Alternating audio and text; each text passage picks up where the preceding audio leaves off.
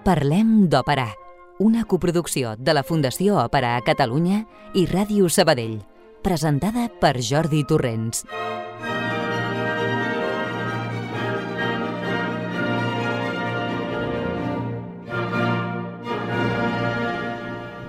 Hola, bona tarda. Esteu tots bé? Sí? I més que ho estareu a aquesta hora que ara comença, durant la qual sentireu parlar d'òpera i, sobretot, sentireu òpera, que és el més important, no? Sentir peces musicals cantades sempre és millor que sentir-me a mi, que no canto ni a la dutxa, i que sí? no ho dubto. Amb aquest programa d'avui, en setem novembre, ja passada la festivitat de Tots Sants i les dates en les que hem honorat els nostres difunts. Aquí estem nosaltres per fer-vos sentir música que molt probablement no haureu sentit mai. Ara en parlem. Roger Benet, el control de so, i qui us parla, Jordi Torrents, us donem una cordial benvinguda.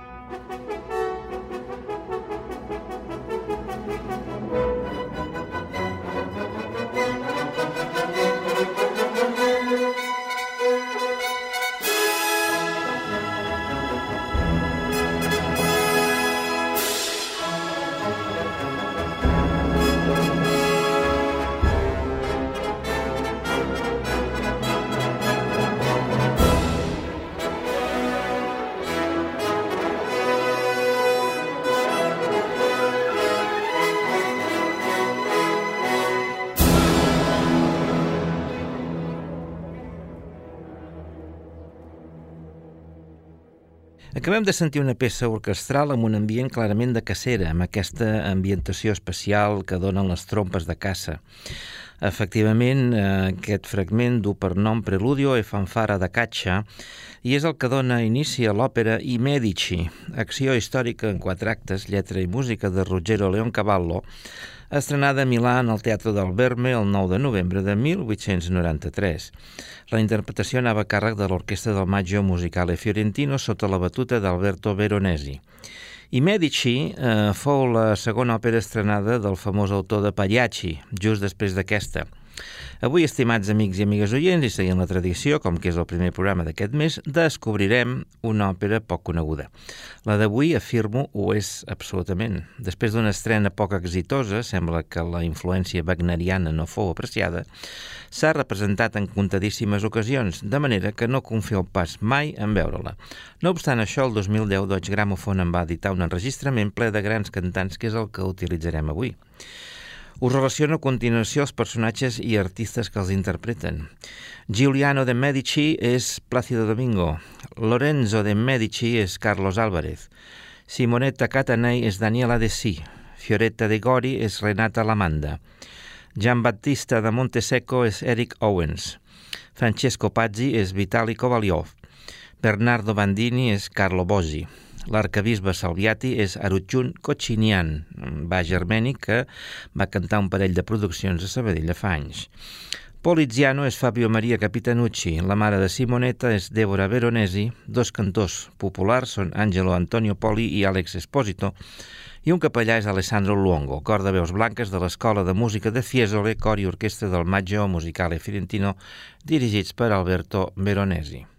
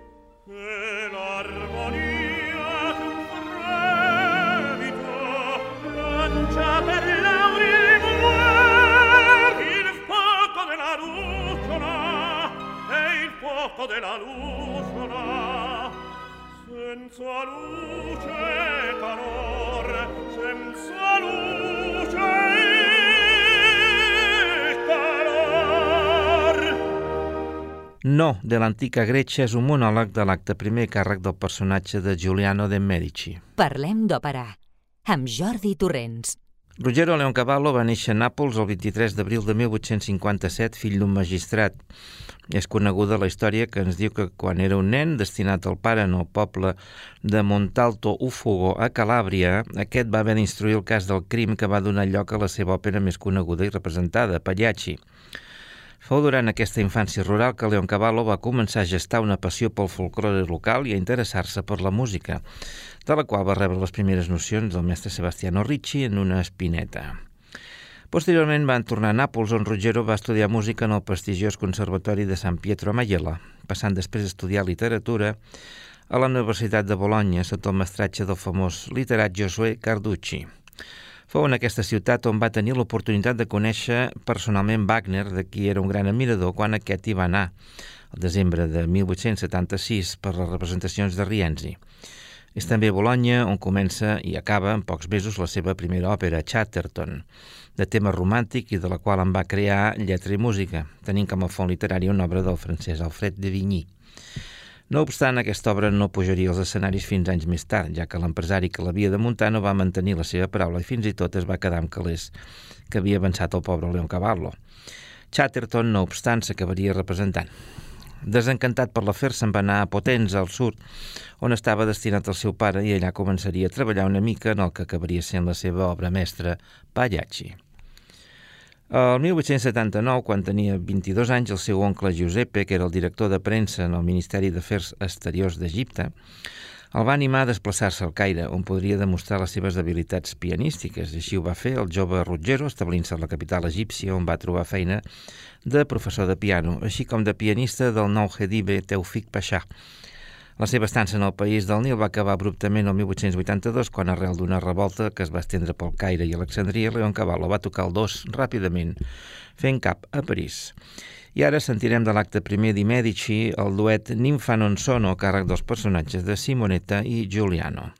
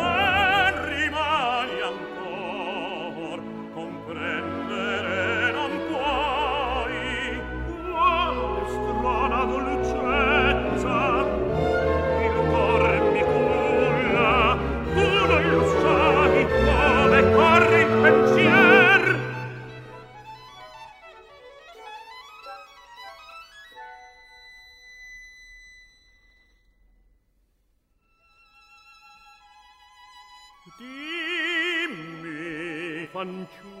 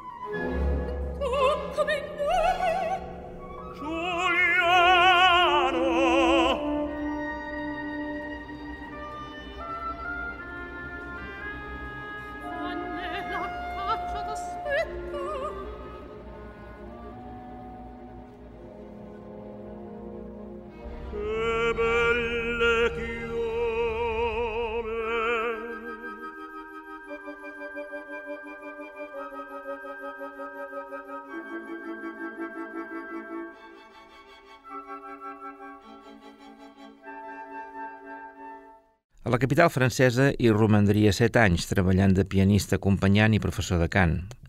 A París coneixeria nombroses personalitats, com ara la soprano americana Sybil Sanderson, a qui va tenir d'alumne, el baríton Victor Morel o Alexandre Dumas, fill.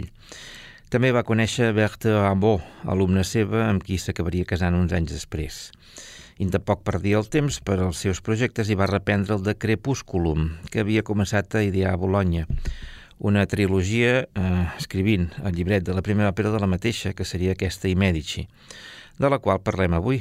El 1888 va deixar a París per Milà, on l'editor Giulio Ricordi li va proposar un contracte per compondre I Medici, que, que va acabar en poc temps. S'havia d'estrenar el 1891, però Ricordi va canviar d'idea i no hi va haver estrena. I ara una mica més de música d'aquesta òpera. non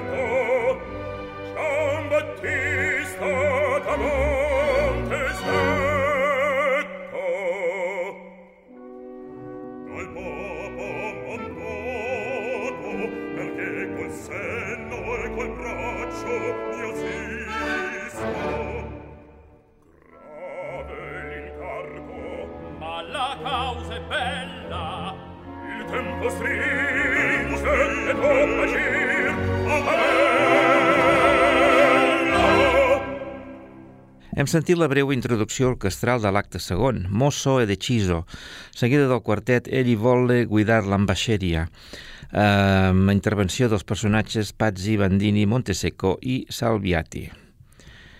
Mentrestant, Leon Cavallo, com tothom havia estat testimoni del gran èxit obtingut per Mascagni amb la seva cavaleria rusticana el 1890, i va decidir de compondre també una òpera verista, que estava destinada a recollir gran fortuna i que ha acabat sent pràcticament l'única òpera mm, seva que es recorda i es representa amb regularitat, Pagliacci, que, dit sigui de pas, és una veritable obra mestra. Per mi, molt millor que la seva parella habitual, Cavalleria. Leon Cavallo va trigar cinc mesos en fer-ne lletra i música i la va presentar a Ricordi, que no va quedar convençut.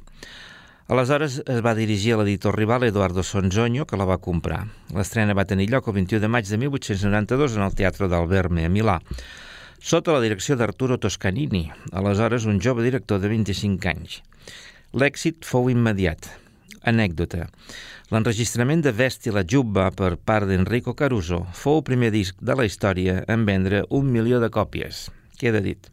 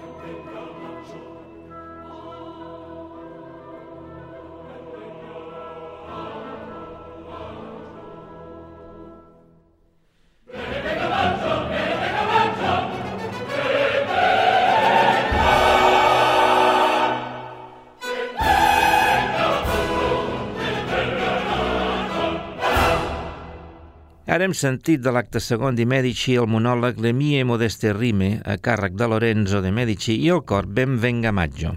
Acte seguit, eh, Sonzogno li va comprar a Ricordi els drets di Medici i aquesta fou estrenada de nou en el Teatre del Verme el 9 de novembre de 1893. Tanmateix, l'èxit no fou el mateix de Pagliacci, ni molt menys. La crítica la va trobar massa impregnada de wagnerisme.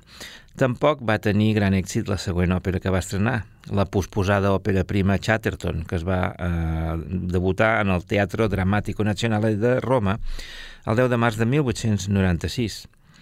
A aquesta li va seguir l'estrena en el Venecià Teatre de la Fenice de La Bohème, 6 de maig de 1897.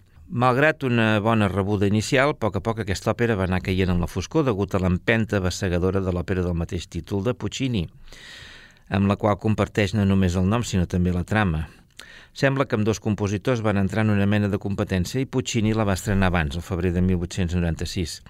Sigui com sigui, avui en dia la Bohème de Leon Cavallo és una mera curiositat, mentre que la de Puccini és una de les òperes més representades de tot el món. I ara us proposo un darrer fragment de l'acte segon di Medici, al final del mateix, que és un duet entre Fioretta i Giuliano. Sí, questo nuovo palpito.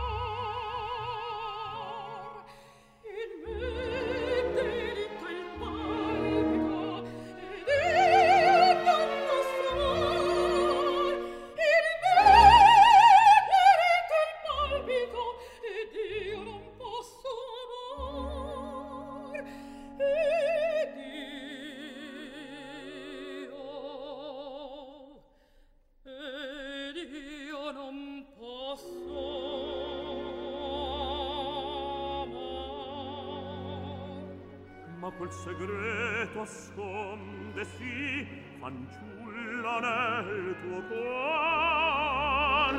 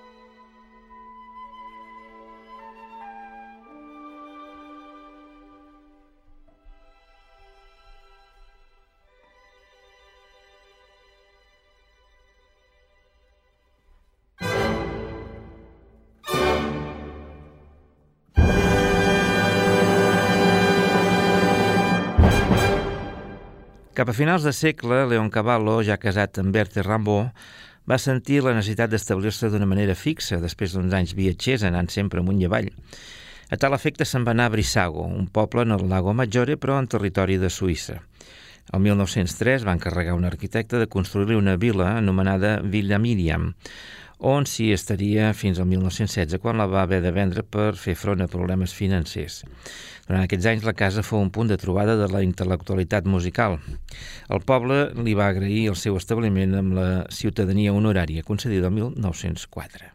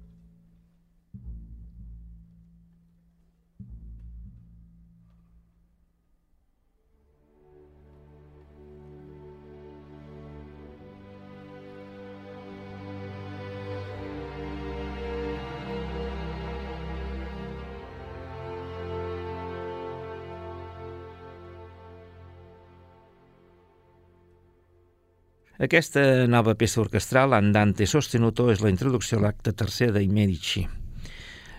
Mentrestant, Leon Cavallo anava component de manera prolífica tant òperes com operetes, però l'èxit de Pagliacci no es va repetir mai més.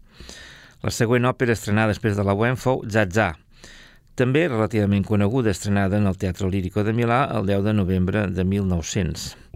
Aquesta va seguir una òpera en alemany, traducció de llibret italià del propi Leon Cavallo. Der Roland von Berlin, un encàrrec del propi Kaiser Guillem II, estrenat a l'Statsoper de Berlín el 13 de desembre de 1904.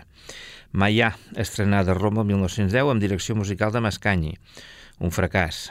Zingari, estrenada a Londres el 1912, basada en el mateix relat de Pushkin que va generar l'Aleco de Rachmaninov, i fou un èxit de curta durada. Mameli, estrenada a Gènova el 1916, i Edipo Re, estrena pòstuma a Chicago l'any 1920. Aquestes foren les òperes restants que va compondre Leon Cavallo. Qui les recorda avui en dia? Hi ha enregistraments d'algunes d'elles, eh? però com ara Zingari i Edipo Re. També va compondre unes deu operetes. Més afortunat fou com a compositor de cançons i romances. En va fer moltes, entre elles la més coneguda és Matinata, destinada a Caruso. El 1904 es van registrar per primera vegada amb el famós tenor cantant i el compositor al piano.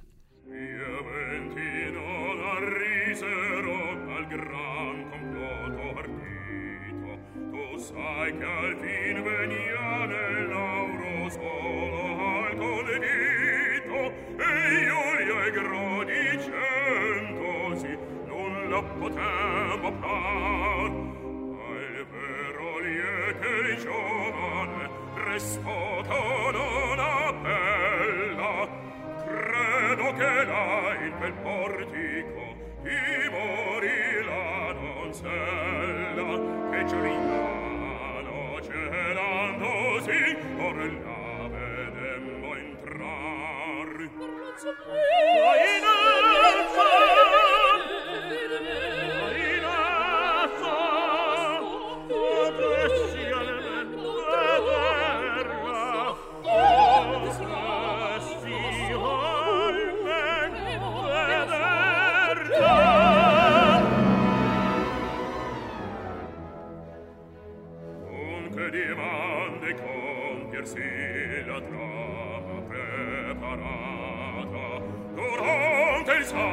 officio in santa reparata insiem Lorenzo e Iolio potremo al fine caldir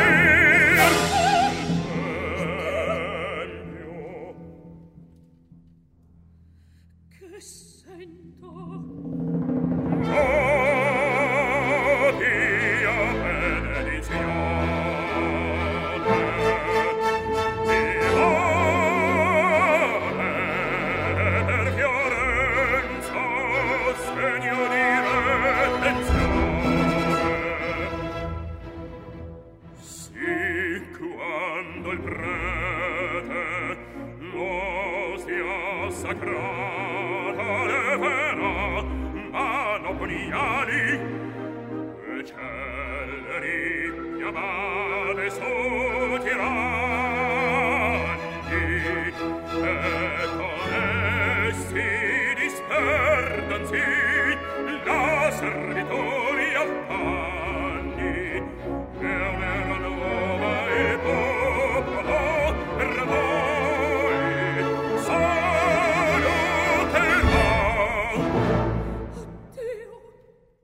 A Risero és de l'acte tercer amb intervenció dels personatges de Pazzi, Simonetta, Giuliano, Fioretta i Monteseco. Leoncavallo va morir a Montecatini Terme, un famós balneari de la Toscana, el 9 d'agost de 1919, als 62 anys d'edat, sent enterrat a Florència. No obstant, el 1989, les seves despulles amb les de la seva dona mm, foren portades a Brissago, segons els seus propis desitjos, i ella està enterrat en el pòrtic de l'església de Madonna di Ponte. Brissago acull també un museu dedicat a la seva memòria. Parlem d'òpera, un programa per escoltar i aprendre a escoltar. Qualcuno è là.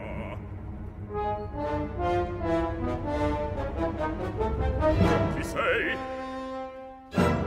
La Simonetta, la bella di Giuliano. Hai tutto dito? Io?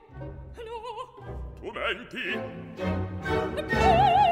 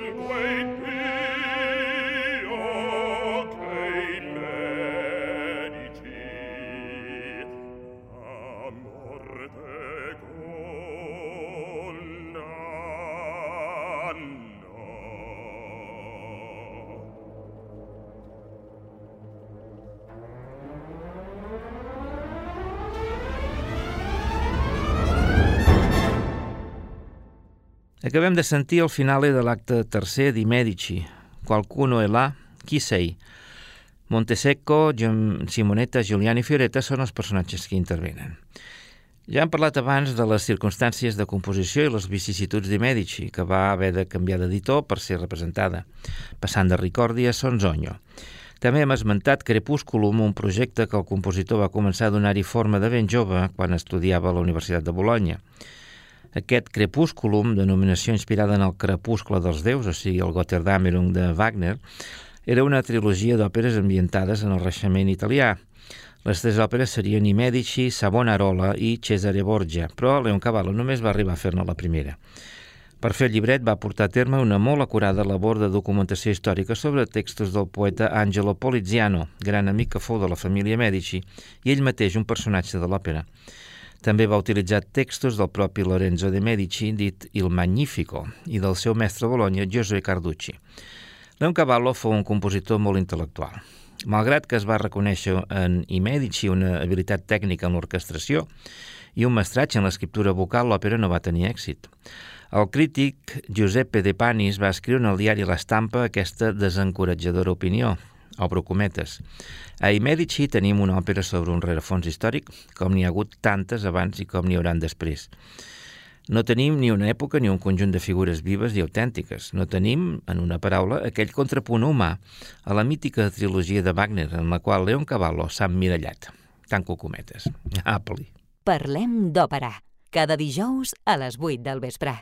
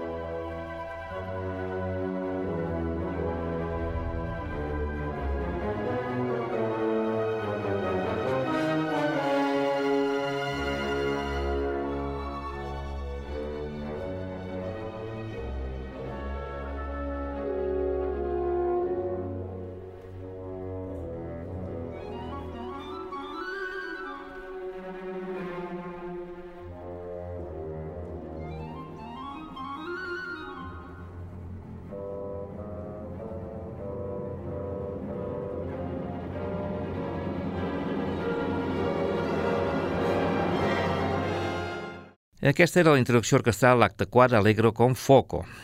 Abans de començar explicant l'argument, diré que el rerefons històric sobre el qual es desenvolupa aquesta òpera, protagonitzada per la famosa i poderosa família dels Medici, que amb modestos orígens a la comarca del Mugello, al nord de la Toscana, va emigrar a Florència, on primer foren comerciants, després banquers i finalment governants de la ciutat-estat, per acabar sent grans ducs de Toscana, una família reial com qualsevol altra Europa, de la qual van sortir un parell de reines i tres papes.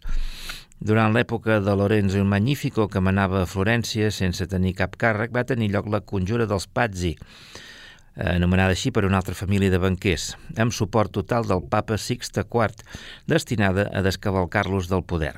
Aquesta conjura, que va tenir lloc el diumenge 26 d'abril de 1478, durant la missa a la catedral de Florència, la veiem en l'òpera. Acte primer. Comencem als afores de Florència durant una cacera dels Medici. Coneixem també les protagonistes femenines Simonetta i Fioretta. També Montesecco, un enviat del papa Sixte IV per acabar amb els Medici. Giuliano, el jove i guapo germà de Lorenzo, veu Simonetta i s'enamora. Fioretta, però, també estima Giuliano secretament.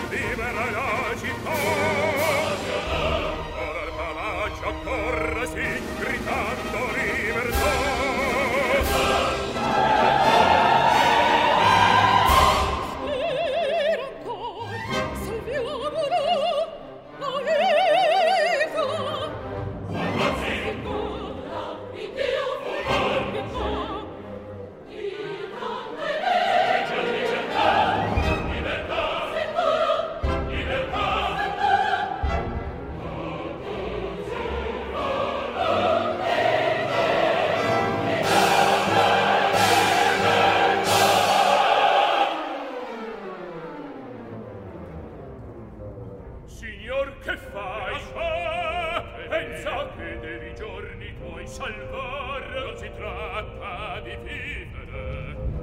L'ora solenne e dopo di regnar Lorenzo Lorenzo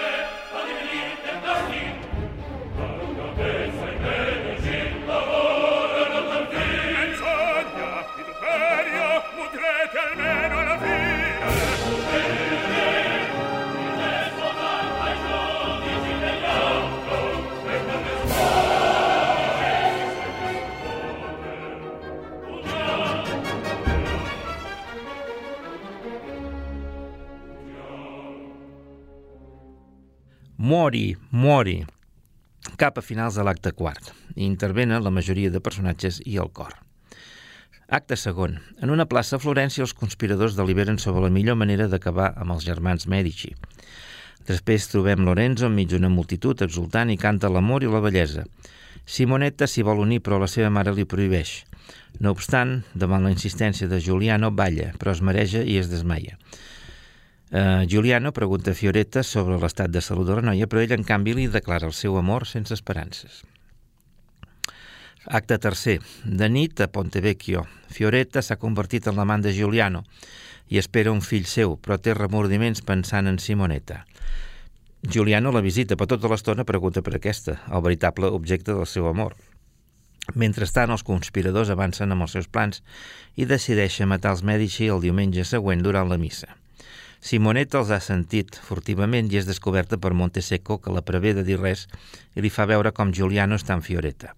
Simonetta, no obstant, està decidida, però mor en braços de Giuliano abans de parlar.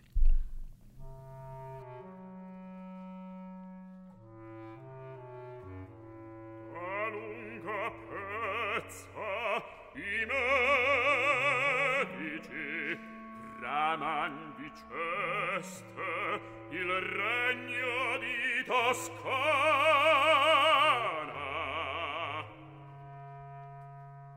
Così l'orta la storia Quest'invita di grata razza umana. Dispiace il vero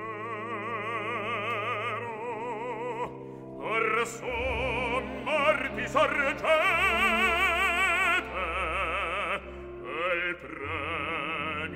nostro brar oggi cogliete.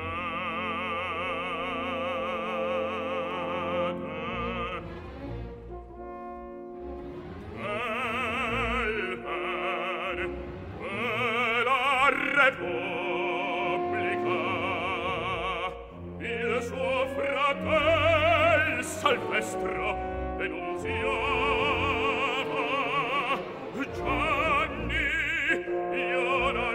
Paul.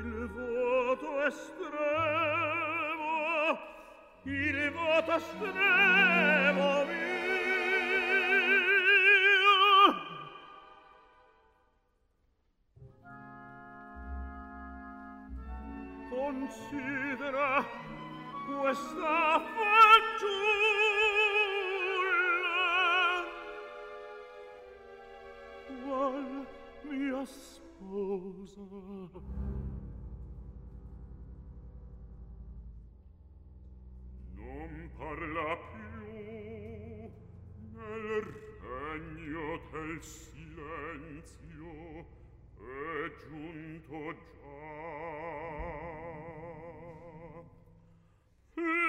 Levati buona fanciulla vieni sul mio cuore e quel suora divina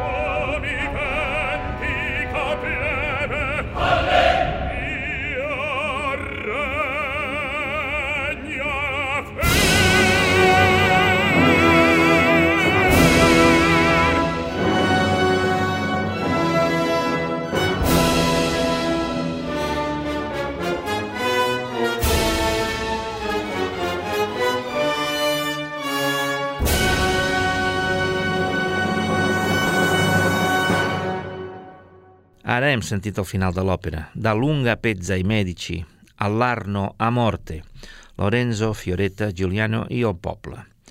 Acte quart. Dins la catedral de Santa Reparata, els conspiradors s'han barrejat entre el poble, incitant-los contra els Medici. El toc de campana després de lament és la senyal. Pazzi i Bandini fereixen mortalment Giuliano, però l'atac contra Lorenzo falla quan Poliziano l'empeny dins la sagristia. Aleshores, il Magnífico s'adreça al poble que el segueix entusiàsticament per acabar amb els conspiradors, que són massacrats. Amb el seu darrer alè, Giuliano prega el seu germà d'acceptar el fill seu en Fioretta, que naixerà un mes després i que 45 anys més tard esdevindria el papa Climent VII. I aquesta és, amics i amigues oients, aquesta molt desconeguda però l'encems interessant òpera de Leon Cavallo que us hem fet descobrir avui. I ara me'n vaig. D'aquí a set dies torno, eh? Adéu-siau i fins dijous que ve. Contacta amb nosaltres a òpera arroba radiosabadell.fm